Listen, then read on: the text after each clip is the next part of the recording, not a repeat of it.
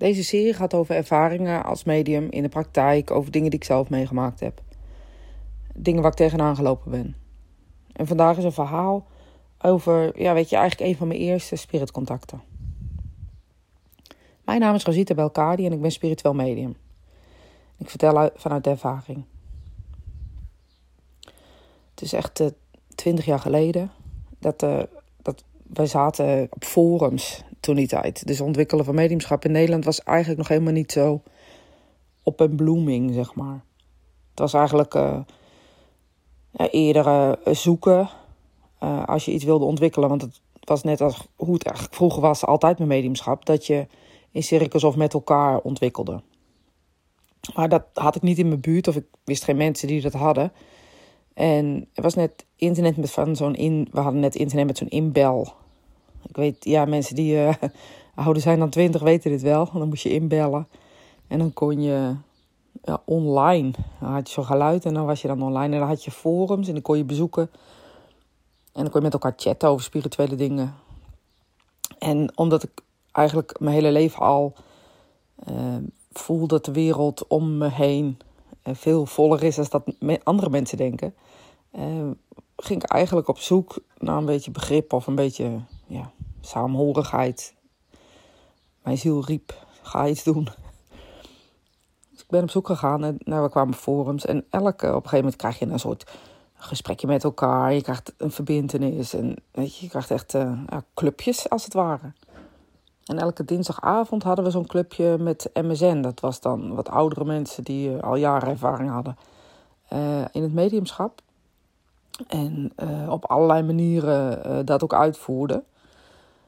En toevalligerwijs kwam ik altijd met mensen die het gewoon zo uit de lucht haalden, zeg maar, zonder toevoegingen, kaart of iets dergelijks, helemaal niets eigenlijk.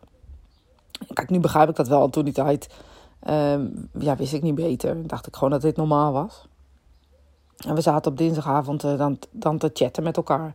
MSN, ik weet ook niet of jullie dat nog weten, maar dan ging je met elkaar uh, online praten over uh, oefeningen. Of we deden dingen of experimentjes. Echt van alles en nog wat. Je kan zo gek niet bedenken of het werd die dinsdagavond gedaan. En op een zekere avond nam een vrouw uit België, die later ook een groot stuk van mijn begeleiding heeft gedaan in die tijd. Um, nam eigenlijk het voortouw en zei: Nou, laten we eens kijken of ja, er, talent is, of er mogelijkheden zijn om contact te maken met de spirituele wereld. Ze deed een oefening en uh, dan moesten we typen wat we kregen. En ik zat in een groepje met mensen, iedereen zat er in groepjes of zo. Ik weet niet precies hoe dat georganiseerd werd. Um, en in dat groepje, nou, ik sluit mijn ogen en met dat ik mijn ogen dicht doe, zie ik echt als een levendig beeld voor me een jongetje met een ontbloot bovenlijf en blote benen. Um, wel met een onderbroek aan. En zijkend nat. Druipend. En heel vrolijk te springen en gezellig. Alsof het echt zo voor me stond. Ik zag het dan in mijn geestogen omdat ik mijn ogen dicht had. Maar het was echt zo levendig. Zoals ik me... Ja, weet je, als ik nu iemand voor me zie staan. Hoe je ook eens kan dromen. Echt zo levendig. En uh, nou toen werd gevraagd of je wilde typen wat je zag. Nou ja, ik typ dat. Dat ik een jongetje zie van zo en zo oud. Uh, dat ik zie dat hij in het water heeft gelegen, want hij is nat. Uh, dat ik zag dat zijn gezicht blauw was. Eh, dus dat hij gestikt is. En dat heb ik allemaal opgetikt en geschreven. Inclusief zijn kleur van zijn huid, want ik zag dat hij een soort mokka kleurig huidje had. Um, nou ja, ik weet geen eens meer wat nog meer, maar in ieder geval wel best wel wat, wat bewijzen. Eh, ik zag ook een soort knuffel naast hem staan, herinner ik me nog. En um, ik hoorde, ik hoorde echt in mijn, in mijn hoofd bij dat plaatje, dus net zo helder als ik dat plaatje zag, hoorde ik hem zeggen: Zeg mama dat het goed gaat. Dat is wat ik hoorde. Zeg mama dat het goed gaat. Dus dat heb ik allemaal gezegd. En uh, nou ja, iedereen uh, kreeg antwoord op zijn vragen.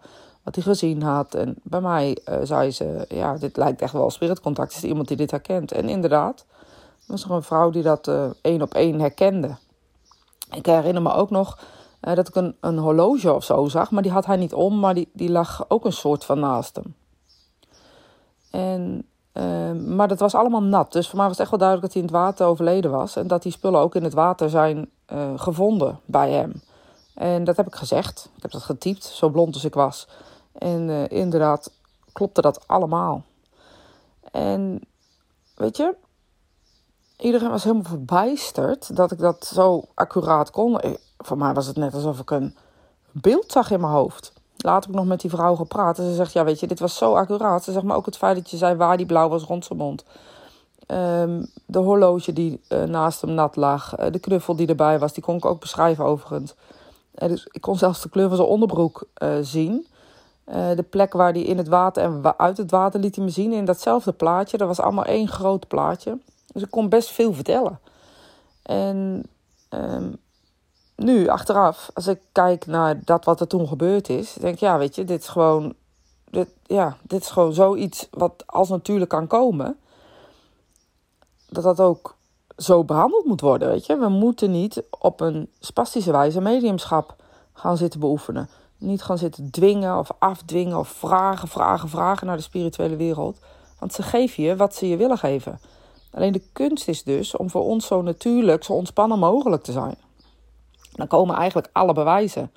Want bewijzen, zoals dat verdrinken en dat horloge en uh, de kleur van zijn huid en nog wat dingetjes die ik had, ik zou ze even niet meer weten. En de woorden zegt tegen mijn mama dat het goed gaat.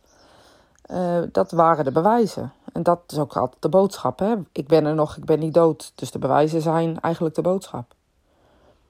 En voor mij was dat zo het begin van mijn mediumschap. En eigenlijk ook wel hoe mijn mediumschap gegaan is met ups en downs. En daar ben ik eigenlijk nog meer gaan zoeken. Vanuit dat punt ben ik nog meer gaan zoeken. Wat, wat kan ik hiermee? Want daar was het nog een filmpje in mijn hoofd. En toevallig een vrouw die het begreep. Maar met alles wat ik nu weet, denk ik, jeetje, dat is eigenlijk best bijzonder geweest. Op dat moment het niet zo beseft. Ik ben daarna gewoon verder gaan. Orde van de dag. Niet meer over nadenken. Later heeft zij nog wel een keer naar mij geappt van... Weet je hoe bijzonder het was? Niet over na. Ik vond het eigenlijk helemaal niet bijzonder. Vond het heel normaal. Want het gebeurde in mijn hoofd. Dus ja, wat is daar nou spannend aan? En dat is iets wat, wat ik eigenlijk echt ja, heel erg bewust... me heel erg bewust van ben. Dat ik nu pas besef hoe, hoe bijzonder het eigenlijk is. Maar ook hoe natuurlijk het eigenlijk is. Want dit is, voor mij was dat helemaal niet vreemd. Dit was iets wat al vaker gebeurde. Sterker nog, dit gebeurde eigenlijk altijd als, als ik soms een plaatje in mijn hoofd heb. Ik ventileer het alleen nooit. Dat doe ik trouwens nog niet als er zoiets gebeurt. Maar dat is wel wat, ja, weet je, mediumschap is iets natuurlijk. Het is een faculteit van de ziel, een, een, iets wat de ziel dus kan. En um, ja, weet je, bij mij is het natuurlijk naar boven gekomen, maar ik was wel zoekende. En dat zoekende heeft ervoor gezorgd dat ik mensen tegen ben gekomen.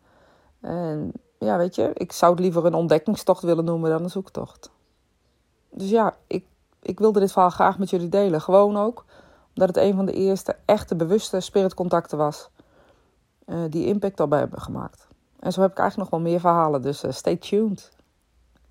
Ik uh, spreek jullie snel.